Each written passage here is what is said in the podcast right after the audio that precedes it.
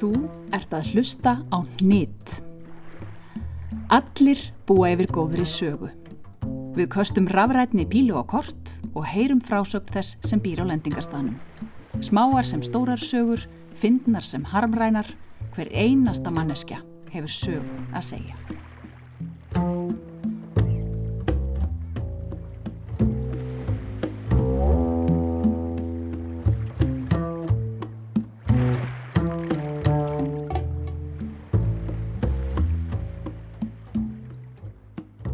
Hlustandi, í þessum þáttum veljum við sögumannin okkar og viðmælanda í krafti tilviljunar. Við opnum rafrænt kort á netinu og með einu músasmelli byggjum við vefsíðuna sem hýsir kortið um handahófskent staðarnitt á Íslandi.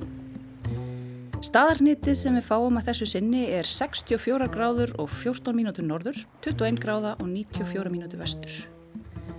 Þegar við þessum inn sjáum við að pílan hefur lent á Reykjavíkuflúvelli í jæðri fljóallasvæðisins. Reyndar skamt frá íbúðarhúsnaði sem svo reynist vera leikt út í gegnum Airbnb.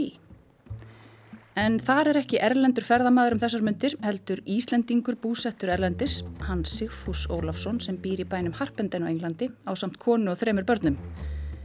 Það kemur í ljósa að Sigfús hefur verið nátengdur flugbransanum, tja, eiginlega frá fæðingu og var vinnustöðar hans á Reykjavíkflugvelli um ára byl. Svo að þið getið séðan fyrir ykkur í huganum, kæri hlustundur, þá er Sigfús færtugur og sex áram betur, hávaksinn og sterklega byggður, ljósarður og stuttliftur. Hann er kvikur og skurulegur og færir með sér eins og notarlega ferskan vindgust. Sigfús er komin hinga til okkar og ætlar að segja okkur sögu, eða eiginlega sögur, og þær eru nokkuð ævintýralegar, því við höfum í þetta sinn lent á ansi víðförulum viðmælanda sem hefur lent í ímsu. Velkomin Sigfús. Þakka að kellaði fyrir. Hvernig fannst þér þessi kynning? Það munar ekki um kynninguna. Þakka að kellaði fyrir. Þetta eru fallið orðir og hérna og algjörlega hittir þau svolítið hérna naglan á höfið. Ég, hérna, ég tengist Reykjavík flugvelli og kannski í nokkuð svona viðtækum skilningi. Eh, ég, ég starfaði á vellinum í áratög. Ég var, var hjá loftlegum Æslandik leiguflugfélagi Æslander Group frá 2005 til 2015. En flugbakterían kemur miklu, miklu fyrr. Já, ég, ég eiginlega, ég halla svona því að þetta sé meðfætt. Það sé, ég, ég hafi í mér einhvers svona flökkugen og, og jafnvel eitthvað fluggen. Um, pappi minn hefur, Ólafur Hergill Lótsson, lagnir, Rakuriri. Hann er, hann er mikill svona flökkumæður í sér og förumæður, hefur gaman að því að ferðast og hefur gert mikið af því. Móðu mín Kristins Sikurstóttir, ættuðu þýsti fyrir því, hún hefur kannski ekki alveg sömu úttrá og, og, og, og hérna við feðgar. Og ég, ég tengi þetta nú aðeins, aðeins aftar því að hérna Ottur Ólásson, læknir og Reykjalundi aðeins minn, hann var haldinn mikil í flugbakteríu áhagmaður um flug og fullið sem það að þetta er því samgöngum átti framtíðarinnar. Og Amma Ragnhjör uh, hún saði mig frá því að hann hafi verið í flugnámi að ég hygg þegar hún gekk með fyrsta battera Vívil Ottsson sem er í kringum 1936, hann fæðist 1937 og hún hafa orðið að byggja hann um að láta af þessari vittlis og hún kærði sér ekkert um það að hann væri að, að pissast við flug. Nei, nei. og síðars meir til dæmis þá þegar þeir voru með happedrætt á vegum SCBS þá var eitt skipti flugvel í, í, í velun og ég trúi því að Afi hafi náttúrulega haft um það að segja. Heil flugvel? Já, he, svona lítil sjóflugvel, farþögaflugvel sem að menn trúða að geti nýst vel við íslenskar aðstæður, skrepp upp á heiði í veiði og, og þess að þar og, og setna meir var hann meðal annars hluta við einni, einni sjúkraflutninga við Björns Pálssonar. Hann var alltaf til áhamarum flug Þengil Lottsson læknir á Votnafyrði og, og nú í Moselsbæ sem að e, hefur verið til ára hérna, túnalæknir flugmálastjórnar hann var e, flugmaður ungur árum og ég, ég, ég, ég var mjög hrifin að þengli frænda mínum og hans, hans flög bakteríu. Nú, Ketil Lottsson, bróði pappa, hann var hjá fluglegum, flugvirki, uh, áratugum saman og tveir senir hans eru flugvirkjar í dag, Ketil og, og, og Óli, frændur mínir. Nú, og hvað okkur sem var þar í, í, í minni fjölskyldum, þá hefur þetta skipst svona nokkuð vel að það er sett tvei bræði mínir, Líður og Ottur eru læknar og ég enda í, í fluginu og ég held að þetta, sko við áttum reyndar allir þrý bræður eftir að læra sviflug á ólingsárum á Akureyri. En ég man bara alltaf tíð eftir mér sem bara algjörlega óðum í, í, í, í þessum skilningi um flug og flugmál. Nú, nákvæmlega okkar á Akureyri, Elling Asinsson, hann rak, var rak, hérna, herrabúðun á Akureyri, hann var, var enga flugmaður og hafði verið í flugi og heima í honum var mikið sapna flugbókum og, og flugmótilum og Ingimar Örn, sonur hans og æskuvinnu minn við vorum í þessu öllum stundum að hérna, hugsa um flug og leika flug og hérna, hann átti sér eftir að verða flugstjóri hér í, unnarnarsfrínu og ég er bara heitlar af þessu. Svo En þú verður samt ekki flugmaður. Nýja flugvirki, þetta kemur að þessu svona annar átt? Já, ég, hérna, ég, ég fór andanum í það að læra flug hjá Sviflufélagi Akureyrar, Þorvaldur Lúðvík Sigurjónsson, ég rakst á hann á förnum vegi á Akureyrar og sagði, er þú ekki Sviflufélaginu? Jú, segir hann, heldur betur hérna ég segi ég er áhersamur um að byrja að læra sviflug hann býði mig með, með henn á melgræsmela og það var ekkert aftur snúið þá og ég fer þangaði nettir og, og læri næstum því til sviflugs á innan við viku. Það voru góðar aðstæðir í fyrðinum og vel gekk. Flög mikið. Og svo gæti ég nokkið tekið soloprófa á, á, á 6 dögum og, og það, ég held ég hef nú sett Íslands með þá eða gert það. En það beðist náðist fram á haustið þetta ár. Og ég er þá komin af stað í sviflug byrja 16 ára í vélflíu um leiðu í gat. Og átjánara væri komið í enga flugmannspróf og, og festi mig þá hluti í flugvél. Og svona vatt þessu fram, ég flög mikið í mentaskóla sko eftir mentaskóla, tvítur, þá held ég út í heim fer til Mexiko sem skipti nefnum í, í eitt ár. Og þar læri ég spænsku sem að hefur síðan svolítið hjálpað mér áfram í lífinu. Já, og kemur aftur við sögu síðar í þessum hætti Já, kem síðan heim. Og þá er ég á leið í atunuflugmannsná menn þá, þá hefðu nú örlögin atvikaði svo að ég hefði þá í tvíkan fengið krampagast á æfinni sem leiði til þess að þú ég fer og hitti sérfræng, læknim og hann færi með þessi þungbæri tíðindi að, að ég get ekki fengið læknisleifi áfram. Ég verða ah. Að láta af, af þessu flug hérna, hérna starfið mínu og að, það sé bara raun út í sandin Hvernig var að fá þær frittir? Það voru ekki goða frittir ég, ég tók nú ákala ítla ég manna fóreldra mínu voru með mér hennan dag. En ég sagði bara við þið þetta er þá bara eins og hvert annar hundsbytt það verður bara að hafa það. Og ég einsetti mér að finna þá bara einhvern veginn aðra leið að því að starfa í flugi. Og, og þetta sé svona spans þetta fram. Ég, ég átti eftir að vinna hjá Eratlanda Icelandic nýri Sáti-Arabíu var í Madrid á þeirra vegum og í Englandi. Fyrst var ég sem flöglið og síðan fór ég að vinna svona huga viðgerðamálum eh, eh, hérna um borðið flugulum sætum og faranguskemslum og öðru þess að þar kem síðan heim ég tek bíaprófi í sagfræði og enda í viðskiptafræði í Háskóla Íslands. Markasfræði og alþjóða viðskipti og fer, fer í gegnum það nám og ákveða að loka reitgerð mín muni fjalla um árangur íslenska leiguflugfélag á erlendum markaði Já. sem þá voru mjög í só Hvernig gastu skrifað um annað en, en flug? Nei, það var bara, kom ekkert annað til greina og svona er mann séður stundum og í gegnum þessa vinnu mína þá, þá tók ég viðtöl við hérna, stjórnendur og stafsfólk leiguflugfélaga íslenskra og yfir, yfir þennan heila vetur 2004-2005 og kynnist þar með stjórnundum í, í þessum legobransa og meðal hann segt þó reyna sinni hjá loftöðum Æslandik mm. og það verður úr ég fer og sækja um starfhjánum og hann býði með sumastarf alltaf segir að ég megi koma og prófa þetta út. Og þetta var ákvæmlega spennandi tími. Og svo varstu þarna í áratug. Áratug, já, já. Sumastarfið endist svolítið lengi. þetta fór ekki verið en svo að sumastarfið endist alveg í áratug. En þannig fannst þið leið til þess að tengjast áfram drauminum um að vera á flýinu. Já, algjörlega og komast nær þessu og, og bara algjörlega inn í ringiðu þess og, og sérstaklega það sem þetta kannski hendaði mér svo vel að það að í leiguflöginu þá ert alltaf að fara eins langt frá Íslandi. Þetta eru sko verkefni sem eru blöðlega. Þú ert þá að reyna að fara ekkert út í heim og, og allur heimirinn er í raun og veru leiksvæðið þitt í þessum bransa. Og þú ert æventýra gert maður. Já, já, ég er það alveg ákala mikið og þetta hendaði mjög vel og ég, líka, ég kom hérna, ég var sjöndi starfsmæðurinn, kom inn í ákvæmlega skemmtilegan hóp og, og þetta er hérna þetta fyrsta sumar uh, Margret Rúna Guðmundsdóttir, kona mín, hjókunarfræðingur hún, hún gekk þá með fyrsta barn okkar. Kristín Dóra fæðist í júni og sumari fór náttúrulega svolítið í það að vera bara að handla þetta nýja hlutverks vera komið með fjölskyldu og vera orðin pappi en einnig að starfa hjá loftlöfum og það gerist uh, í ágúst að okkur við setjum upp hérna svona markasferð til Suður Ameríku mm. og úrverðar að Guðnir Hreinsson og Erlendur Svávarsson, starfsmenn loftega, fara í ferð um Suður Ameríku sem ég hjálpaði mikið til við að skipilegja. Og þá er verið að reyna að finna nýja markaði, finna, finna nýja markaði. Finna verkefni.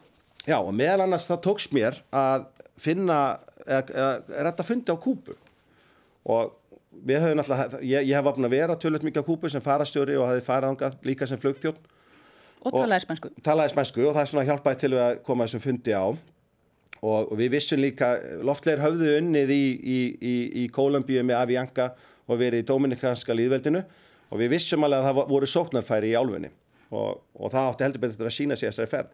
Nefnum hvað þessir góðu menn, þeir vinda sér að staði æfintýra ferðalag um, um, um Suður Amerikum og, og þetta var mikil reysa og á loka sprettunum þá er þeir að fara sagt, Þeir hverjir?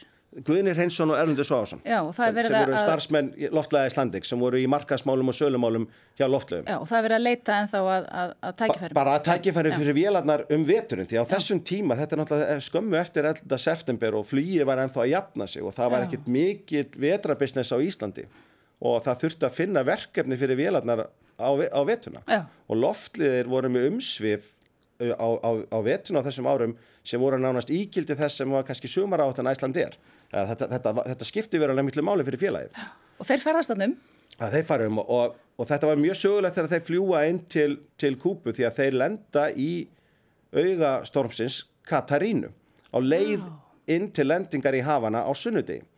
Og þeir heldur reyndar að þeir myndu sjá sitt síðastegi því flugi því að það var reynd í þrýgangalenda í Havana var svo að rífa vélina upp á endanum. Og á nokkra orða var henni snúið til Varadero sem er skamt frá og lent þar og þar, þar, þar, þar hérna, þökkuðu þeir mikið fyrir það þá mildi að þeir hefðu haldið lífi. Nema hvað þeir koma sér til Havana. Á mánudegi eiga er fund hjá ríkisflugfélaginu Kubana og það er sammast um það að, hérna, að það verið farið í samningavirðaður þeir klára samning hjá þeim á þriðu degi um leigu einni Boeing 757 vél sem eigi að koma í, í, í leiguverkefni sem að er að st- hefjast þarna í, í, hérna, á, Havana eða á Kúbum að um sé að ræða samstagsverkefni milli ríkistjórna Kúbu og Venezuela. Já. Þeir vinnirnir Fidel og Chávez ætla eitthvað að fara að makka. og þeir snúa svo bara heim, fljúa yfir til Evrópa á þriðu degi og eru komnir á miðvikudegi til Reykjavíkur. Og það verður alltaf fagnaðfundir og, og, og, og það er farið að hérna, setja strax og segja, heyrðu, já, þetta er bara þannig að þeir vilja við komum bara sem allra allra fyrst. Og vélinn á helst að koma bara vera klári í slægin hérna þriðan kemur á næstu viku.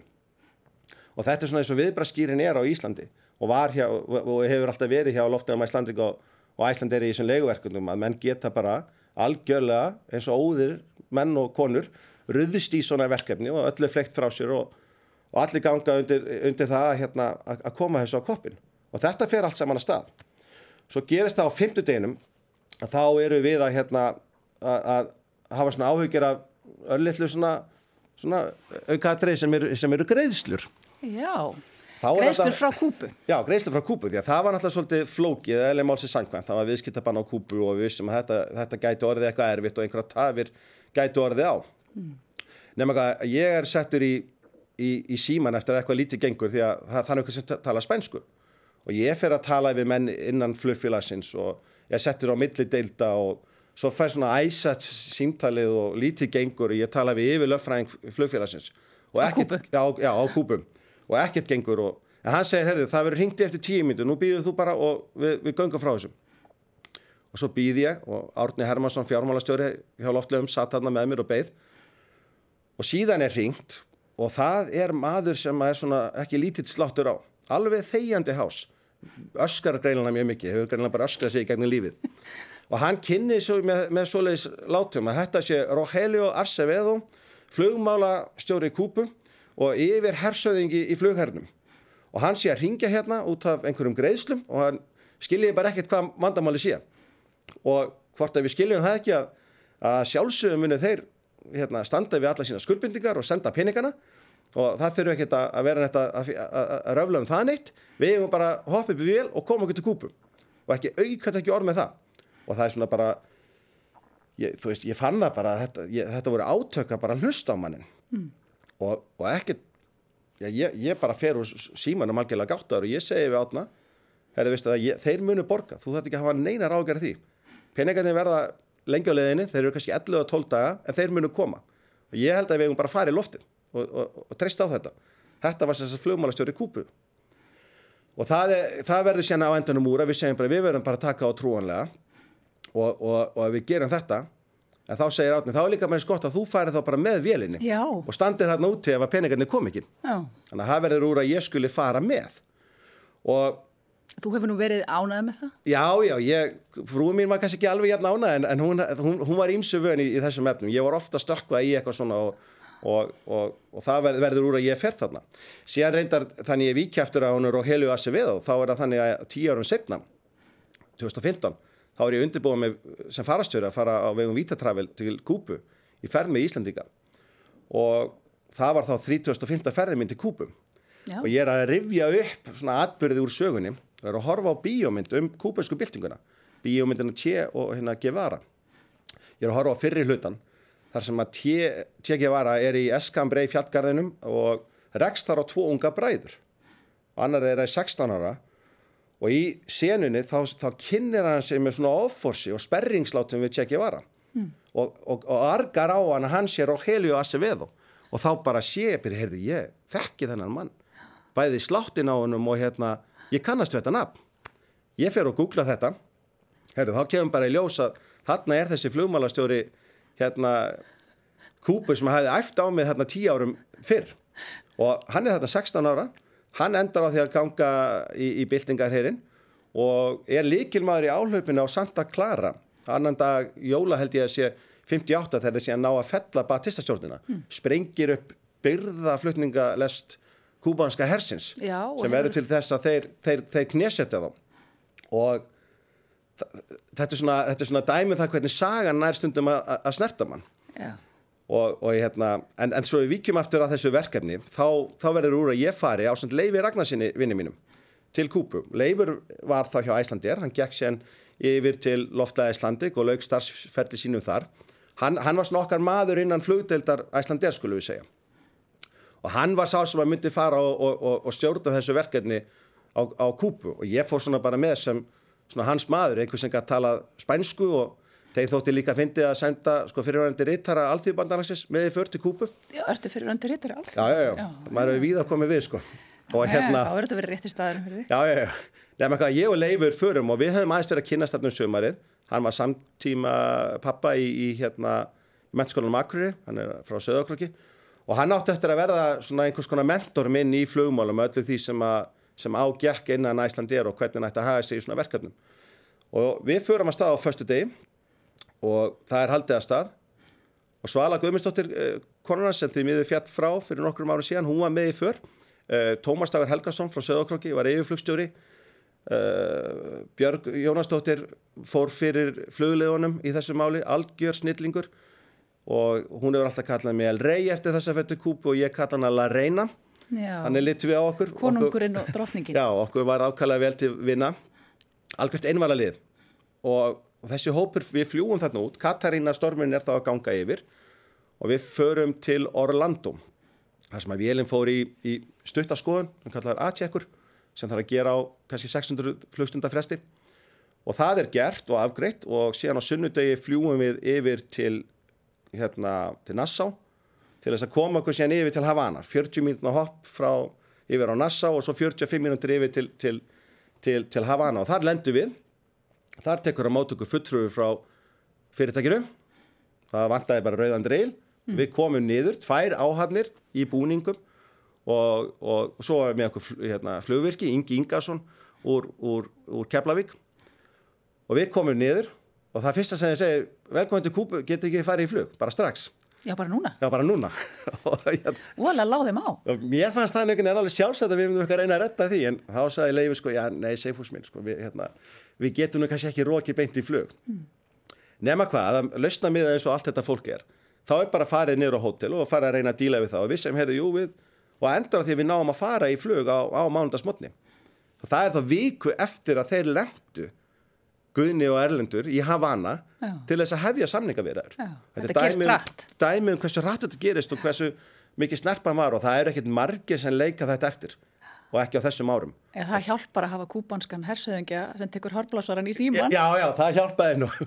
og svo þá, þeir áttu nættir að verða fleiri hárblásararni getið sagt þér sko því að kúpanir eru mjög mikið upp sumir í þessu að láta allt vaða sko í, í samskiptum Já. þeir vil ekki að þú öskri mikið á móti en þeir Nei. þykir sjálfsagt að, að, að, hérna, að, taka aðeins á þér. En þú ert svona flinkur í samskiptum greinlega. Þú tekur þessum hárblásurum og, og lempar, lempar Sko, ég, ég, hef, ég hef orðið betur og betur, ég, hef, ég er ekki alltaf flinkur í samskiptum, ég læri með árunum að, að, að maður svona þroska svolítið.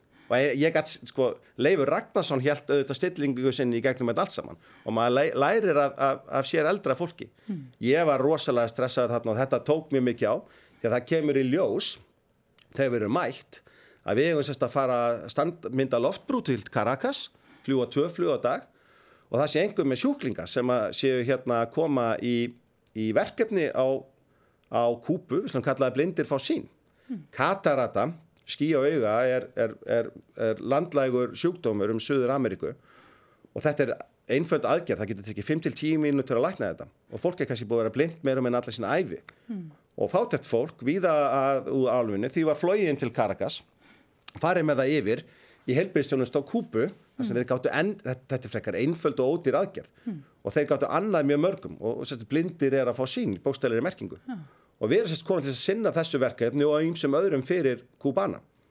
Og svo fljótlega byggja þeir bara um vélnúmi 2 þetta sé við séum greinilega góði gæjar og, og hérna, gott fólk og, og hérna og það verður síðan úr. Ég, ég er þarna með leifi í, í dágáðan tíma, ég enda á að vera tvær vikur og Erlendur Svávarsson kom út síðustu dagana mína og þá semjum við vél nummer 2 og þarna voru við síðan í þessum hérna ævintera verkefni eh, Operation Milagros, kraftaverkaflugin hétt þetta, í, í heilt ár. Og, og þeir voru ákvæmlega ánæði með okkur þetta var mjög gott verkefni. En síðan svona svo, svo, svo, svo, svo steitti það svolítið á skeri þegar við vorum greitnir í landhelgi með það þessar bandarækjumenn bent okkur á það svona vinsanlega að það væri, jú, viðskiptabann á kúpu hvort við vildum ekki bara fara að koma okkur í byrtu Já, þið voru bænir um það. Já, það, það var þannig að það fengu allir að, það, það voru spánverjar, portugalir, það voru, voru flugfílar frá Ekvador, það voru uh, kanadískir aðilar, Uh, það var svona eins og bandarækjumenn segðu bara þið með aðeins leika ykkur í eitt ár en svo minnum við okkur á það að það er reynda viðskiptabann í, í gangi sko. Þannig að við, það voru engin vandkvæði og þá bara, þá bara lauk því verkefni og, og við fórum heim reynslunni ríkari sko og, og, og, mörgum góðum minningum líka sko. Já, En, en svo áttur nú eftir að verða fleiri skrautlega verkefni því að hérna fljótlega eftir þetta kúbuverkefni þá eru við Erlendur uh, bóðaðir til Parísar á fund á laugadegi til þess að hitta þar menn frá ríkisflugfélagi Venezuela. Þeir hefur þá heyrt á okkur í gegnum vini sína á Kúbu að þetta væri nú vaski menn sem getur nú hérna, leist tímisverkefni. Þannig við erum sendið þangað með hraði. Við komum uh, 11 að morgnin á hótel, mikið glæsi hótel í París og þar sittur maður á borði og annar svona með honum og greiðlt að einn er svona hárblóstari. Hann er svona fóringin í hópnum. Það eru svona þrjár tómar bjórflösku fyrir framar hann. Maður hugsa bara, já, þetta er nú París og það lögðu þetta smorgun, ég menna, gott og vel. Þá er það ferðamála og samgöngumálar á þeirra Venezuela sem við höfum ekki hugmyndum að vera að fara hitt okkur og forstjóri í ríkisflugfélagsins mm. og þeir hafa þá áhuga að, að ganga til samstags við okkur og, og, og kanna möguleika og höfðu heyrt frá kúporunum að, að þeir ætti að hafa samband við okkur. Þannig við rættum eitthvað aðeins málin og við vorum að íhuga það að við getum nú kannski komið með einhverja vélarhandaðum og, og fundið einhver verkefni. Og síðan er þeir að tala um, við ættum kannski að hittast bara strax aftur í næstu viku, bara til að lögu þetta getum, við ekki hist á föstu degi og við segjum bara, jú, heyrðu ef við kannski að mætast á meðrileg ef við að hittast í New York? Gæti það komið til greina, en ef við þurfum ekki að fara allarleið til Caracas. Þá segir hann, þessi snillingur. Já, það er nú, það er nú svona svolítið vandkvæðum bundið, ég hérna hann er mál með vest að ég sko eiginlega lista, lista yfir hriðjörkamenn hérna í bandaríkunum þá hafði hann, sem sagt, þegar að Hugo Chávez er byllt þetta mörgum árum áður það gerist í aprilmáli 2002-2004, 2002 sannlega þá er bylting hallabylting í Venezuela og hann hverfur í 36 stundur og er tekin út á eigjar sem er út á ströndu Venezuela settu þar í fangilsi og það var maður sem fór og sótti hann hersöðingi á þyrlu og kom hann um aftur upp í fórsetahöllina í Caracas Já. það var þessi maður sem við sátum með þetta í París og fyrir viki verður hann alltaf ráðherra í ríkistjórn og, hérna, og mikill spaði já. og síðan Það er þessi með bjórflöskunnar. Já, það er sem já og hérna síðan áttur þetta að verða mikið nextismál held ég úr þessari ferðarna því að þegar ég held að það hefði verið að, að hérna, kaupa VIP farþegavél svona frá Airbus fyrir fórsetan það var mikill skandall út af því og ég held að hafa horfið einhverju peningar og þessi maður átti eftir að missa æruna og svo vann hann aftur. Ég held að sé ráð þeirra í dag í, í, í, í hérna Venezuela Sigfús Ólafsson, þetta eru, eru ævintýralega sögur, þetta er eiginlega svo í bíómynd. Hvernig, ja. þetta passar örgulega líka vel uh, við áhugaðina og sagfræði Já, veistu það, þetta er þannig og þetta er bara, maður er sundum svona að fara uh, hérna, svona einmitt til móts við söguna sko hmm. og ferum þessi lönd, kynnist fólki af, af þessum kultúr og svo lærir maður bara með tímanum, þú veist, hvað, hvað það er að, að sinna málum, að, að gefa fólki tíma og að mæta og sína sig mm. Eitt, einn svona lítil saga því segi Leifur mér stutt, aftur kemur Leifur Ragnarsson við sögu, þá vorum við komnir í mikið verkefni í Venezuela og vorum þar með tvær hérna, Boeing 767 þóttur, breyðþóttur í, í svona blöydlegu verkefni við, við Santa Barbara Airlines í Venezuela Blöydlegu verkefni? Já, það er kallað vettis á ennsku, þá eru áhafnir með. Þá er þetta ekki bara að leia flugvelina, heldur eru áhafni með og, og við sjáum um viðhaldið. Já. og við höfum þá verið hérna frá því sannilega bara 2006 þetta kom fljóðlega eftir kúpaverkefnið og var mikið vinata með þessu fólki og Leifur fór mjög mikið til Caracas að sinna málum. Nú, við höfum fundið mann sem var þarna í, í Caracas á okkar snærum. Eða svona, hann, var, hann var að sjá um axtur fyrir okkur og, og svona viðvik var svona okkur innan handar.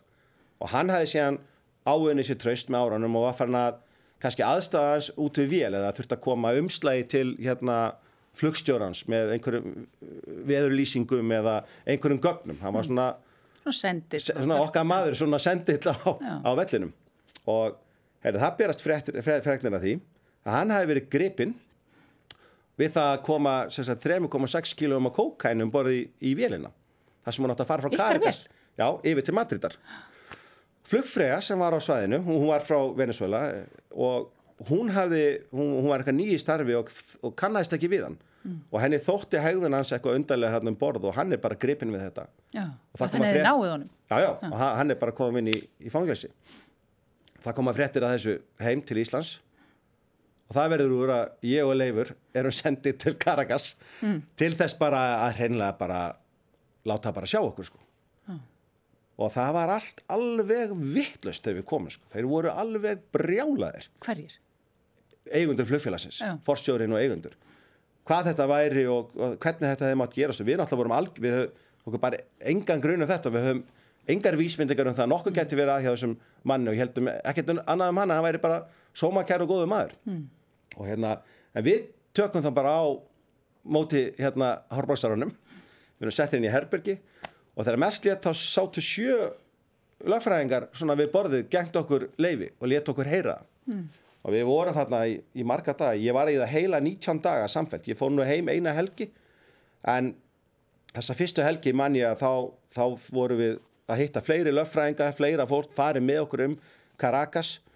Og, og meðal annars hérna þá eru við kynnti fyrir hersöðingar sem er yfir flugvallastjórin og er samt hersöðingi í, flughöfnum og hann kemur að hitta okkur og svo er við að fara að sína okkur annan stað í Caracas og svo er sagt Sigfús, þú fer með honum.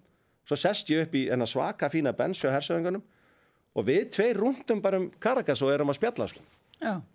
og það var ekkit annað það var ekkit eitthvað, engin maður í missun eða hann ætlaðist ekki til einstu neins það var bara bara spjall já það sem ég segi sko, það sem við vorum að gera í þessu þetta er á spænsku darla cara það er að sína sig, þú mætir ef að þér verður á í messunni eða, eða það eru erfiðleikar hjá viniðinum þá áttu að reyna að koma og, og, hérna, og mæta, sína andlitið. Darla Kara. Já, og þetta er það sem við gerum þarna, ég og Leifur. Og, hérna, þetta er það sem við gerum hér líka? Þetta er ágættið svona orðasamband yfir þetta? Já, ég meina, þetta er, og þeir eru upp í staðið, sko, þá, þá skipta þessu mannlegu samskipti algjörlega öllu mm. og, og ég meina, á þessum síðustu og undalögu tímum sko, sem við lifum núna sko, þá, þá get ég sagt að, að, að, fjarfundabúnaður og símafundir þeir munu aldrei geta komið í sagt, skipt út samskiptum sem þessum og, og ég er alveg viss um það að núna þegar fram í sæki þá munum við aftur bara snú okkur að þessum gömlu góðu samskiptamátum og áframverði ferðast um heiminn mm. Þú rúndar hérna með honum í klukkutíma og þá, þá Já, já, og svo var það bara þar með að því lokið og síðan bara var ég ég var svona eiginlega svona stöðvæðstjóri, svolítið við kalla það, eða, eða, eða svona fulltrú okkar niður á flugvöldunum, þarna í 19 daga samfelt og Leifi var með mér mjög mikið, við vorum að sjá til þess að öll gögn var í lægi um borðið í vélónum og bara aðstofa í kring og vera til staðar líka, bara sína það okkur þætti þetta leitt og við tækjum þessu mjög alveg. Og svo róast þetta niður. Já, ekkert, ekkert alveg strax. Það var nú eitt kvöldi þá ætti að handa okkur öll, ég stóði til vel og það verið allt vitlust og þá ætti herin að koma og henda okkur öllum í fangilsi og mér líka. Þá hafði eitthvað farið úr skeiðis og þeir voru komnir í fílu og móðgóðist eitthvað og, og það náðist að lempa það niður. Þannig að hérna, þetta er hérna, það, það, það, er, er svolítið magnað þegar þú ert í, í þessari kreðsum og ferða eh, innan um þessi flugfélag, þá ert eins og í Suður Ameríku eða í Afriku þá ertu alltaf nálagt efsta læginu sko. það er alltaf einhvern sem segir já þetta er nú svona fórsetans eða, eða þessi er nú ráð þeirra ríkistjónin eða eitthvað svo leiðist það er bara einhvern veginn því að samgöngur eru alltaf svo, svo skipta svo miklu máli. Já og svo er spillingin. Já en, en það er nú eitt sem að, hérna, sem að við bara ég bara hef ekki rekið mér mikið á. Maður heyrir af henni og veit af henni en, en sem betur fer fyrir utan einstaklega kaffibotla og kannski kaldan bjóra á barnum þá hef ég nú ekki mikið hérna komið nála því að, að þurfa að bera fyrir nokkuð mann eða, eða í þessu hjá okkur. Við bara, það er líka svolítið styrkurinn hjá okkur í, eins og var hjá þessum Íslandingum í flýinu við komum bara, þú veist herri, ég er bara, þú veist, er og leifur er bara úr skadafyrinu sko, mm. og þessi strengir hér eru bara Já, að, og, og vilja bara gera viðskipti Já, já, og ég hérna, eins og ég segi núna sko, Marta þessu fólki starfar ennþá hjá Loftlöfum Æslandik og hjá Æslander Group. Þetta eru, þarna eignaðist ég bara perlu vini og ég bara, ég hugsa náttúrulega mikið og, og fallega og vel til þessa goða fólk sem, að, sem stendur núna í ströngu og, og er í, í mikillir barátum Já, þessa myndir. Ég, sko, þekkjandi, ég þekki ekki kannski langasögu íslenska flugmála, en ég hef þó komið að málum byrjaði að fljúa 15 ára, var hjá Atlanta 22-30 ára.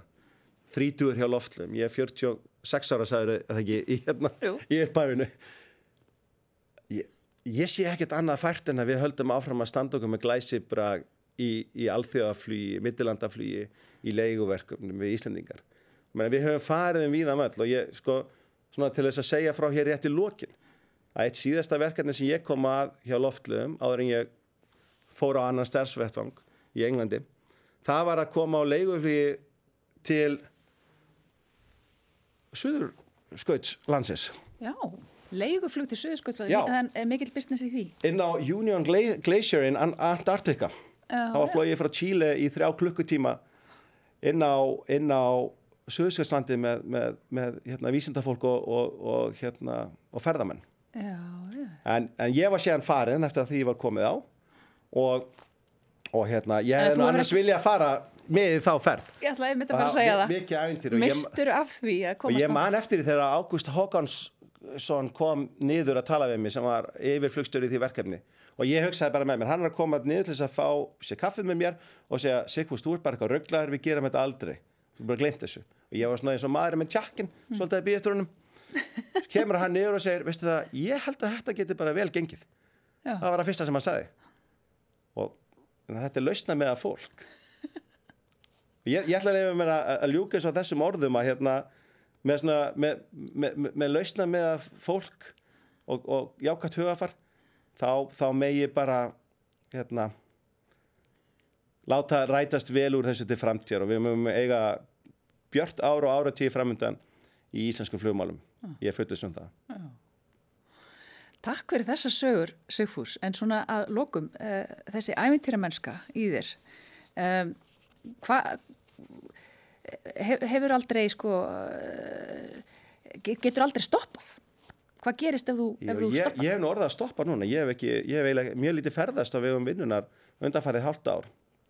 Og það er, nei það er ég get sannlega ekki stoppa, ég, ég fer þá bara ferðast innanlands, nú er ég komin hingað, ég ætla að vera hér í sumar, ég ætla að hitta fjölskyldum mín og vini og mér líður mjög vel á farastfæti, það á vel við mig mm. ég er líka heppir með það að kona mín er svolítið hérna, svoleiði sinnu líka og börnin mín, við höfum gaman að vera á ferðinni saman og flakka en ég get alveg hugsað með það að það er kannski aðeins rólegra í þessu svona í, í stöðugum ferðalögum og, og, og langferðum svona einhvern tíma inn í, inn í framtíðina mm. en kannski verði ég orðið mjög erðalus með haustinu og, og svo þegar allt horfður til bjartari vegar þá verð ég bara komin að flakka aftur og hel- held þessu bara áfram Já, en þú sagðist þá komið hvað 35 sinum til Kúbu og, og 35 sinum til, til Rúslands. til Rúslands og svo eru auðvitað allar hinnar flugferðarnar. Ve veistu hvað þú hefur ferðast mikið? Ég var beðin um að taka það saman í fyrra og þá hafði ég sem sagt í þegar ég hætti að fljúa í november kom á síðustu ferðinni. Ná, síðust ári fór ég yfir 300.000, rétt yfir 300.000 kilometra en árið þar áður þá var, já, þá var ég mjög nálægt í að komast að leið til tungsis. Það vantaði bara 15.000 mílur upp á eða 20.000. Það er bísna mikið sko. Já, þetta er, en ég, ég fer mjög mikið í, í sem sagt, kannski ég þarf að fara frá London til, til Buenos Aires eða, eða til Jóhannesaborga mikið. Já. Þannig að það er hérna, það fylgir sér ferðalög. Það verður eitthvað minna í ár. Já, já, það, en þetta mun allt snúa aftur. Já. Það tekur sinn tíma en, en það mun snúa aftur og, og sérstaklega hvað allt er viðkemur í Íslandi. Við búum svo að því að hvað er búið að byggja hér upp í ferðarþjónustu. Þetta fallega einstakka land okkar mun alltaf bara áfram verða fallegt og einstakt. Og í Englandi þar sem ég bý þrá allir að komast til Íslands. Það er svona þrjú lönd sem, alltaf, sem fólk talar um. Það er Ísland, Portugal og Söður Afrika. Já. Að fólki dreymir um þetta. Og við erum, við erum svo, sko, það, sem að, það tekur kannski smá tíma fyrir langflugið að, að, að, að, að jafna sig. Þannig að ég myndi ykkur fólk sem er í Evrópu sem hefði kannski ætlað að fara til Söður Afriku eða til Thailands, af því að það er svolítið svona framandi. Og það hugsa, býtu, við getum valið um það að fara í helgaferð hérna í þessa borðgang sem við farið tíu sunnum áður eða við getum farið til Íslands. Og það er ekki nefnir þryggja tíma flug. Þá verða mjög margir sem hugsa, heyrðu, fyrir til Íslands. Þannig að ég bara, nú er bara að þjætta ræðnar að snúa saman bökum og, og, og bara bjarga þessu. Sigfús Ólafsson, takk fyrir að koma og, og segja okkur sögur. Mín var ánægin. Og við heyrðum þarna nokkra sögur frá Sigfúsi Ólafsinni, 64 gráður og 14 mínútur norður, 21 gráða og 94 mínútur vestur. Þetta var þátturinn Nitt og við ætlum að kveðja með lægi sem að Sigfús valdi. Að sjálfsögðu er það frá Kúbu, Jólanda. Var þetta eitt af svona algjöru á þessum tíma? Já. Takk fyrir komuna. Bless, bless. Takk fyrir mig.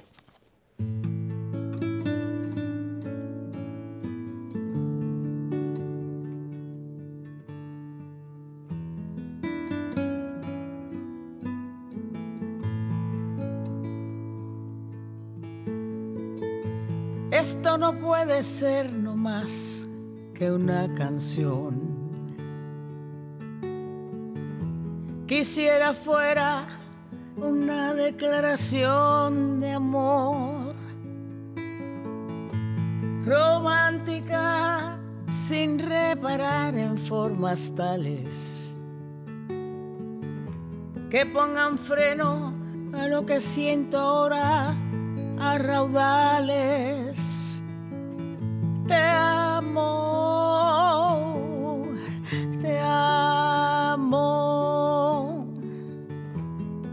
eternamente.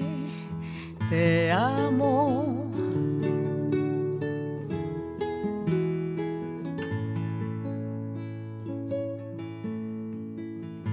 Si me faltaras no voy a morirme. Si he de morir, quiero que sea contigo. Mi soledad se siente acompañada. Por eso a veces sé que necesito tu mano, tu mano, eternamente tu mano.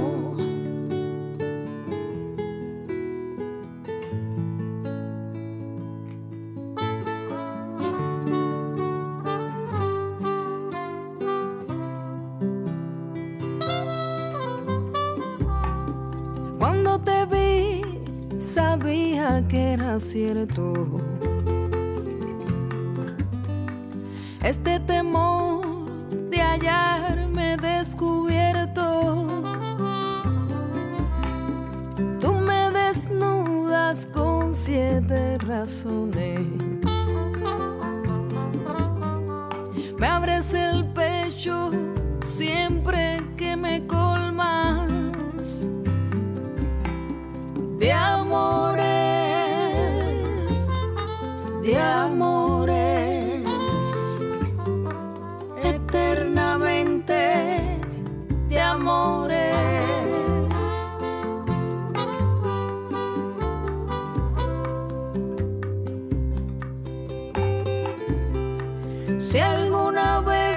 Me siento derrotado, renuncio a ver el sol cada mañana, rezando el credo que me has enseñado. Miro tu cara y digo